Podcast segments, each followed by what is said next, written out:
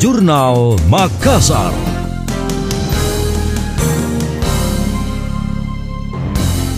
Pemerintah Provinsi Sulawesi Selatan terus berupaya menggenjot target vaksinasi demi terbentuknya kekebalan kelompok atau herd immunity.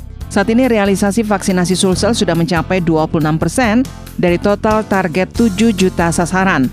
Pemprov Sulsel menyasar kelompok masyarakat agar menjalani vaksinasi, termasuk warga binaan pemasyarakatan WBP di Lapas Kelas 1 Makassar. PLT Gubernur Sulsel Andi Sudirman Sulaiman mengatakan, program percepatan vaksinasi harus menyentuh seluruh masyarakat yang memenuhi syarat. Hal itu disampaikan Sudirman saat membuka kegiatan vaksin halal dan aman di Lapas Kelas 1 Makassar belum lama ini. Vaksin Sulsel itu sudah 26 persen. Sebenarnya dari barang yang diberikan ke kita itu sudah 80 persen. Karena ini kan capaian yang secara daripada vaksin yang di stok.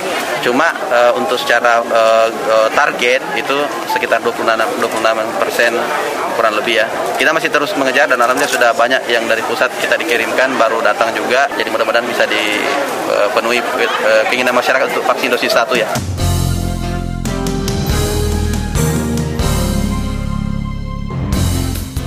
Kakanwil Kemenkumham Sulsel Harun Sulianto mengatakan sebanyak 5.000 lebih lapas dan rutan di Sulawesi Selatan sudah menjalani vaksinasi.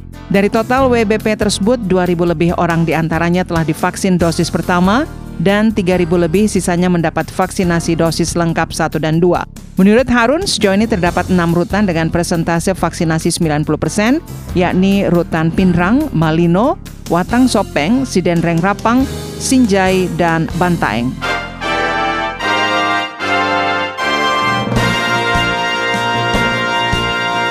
Demikian tadi, Jurnal Makassar.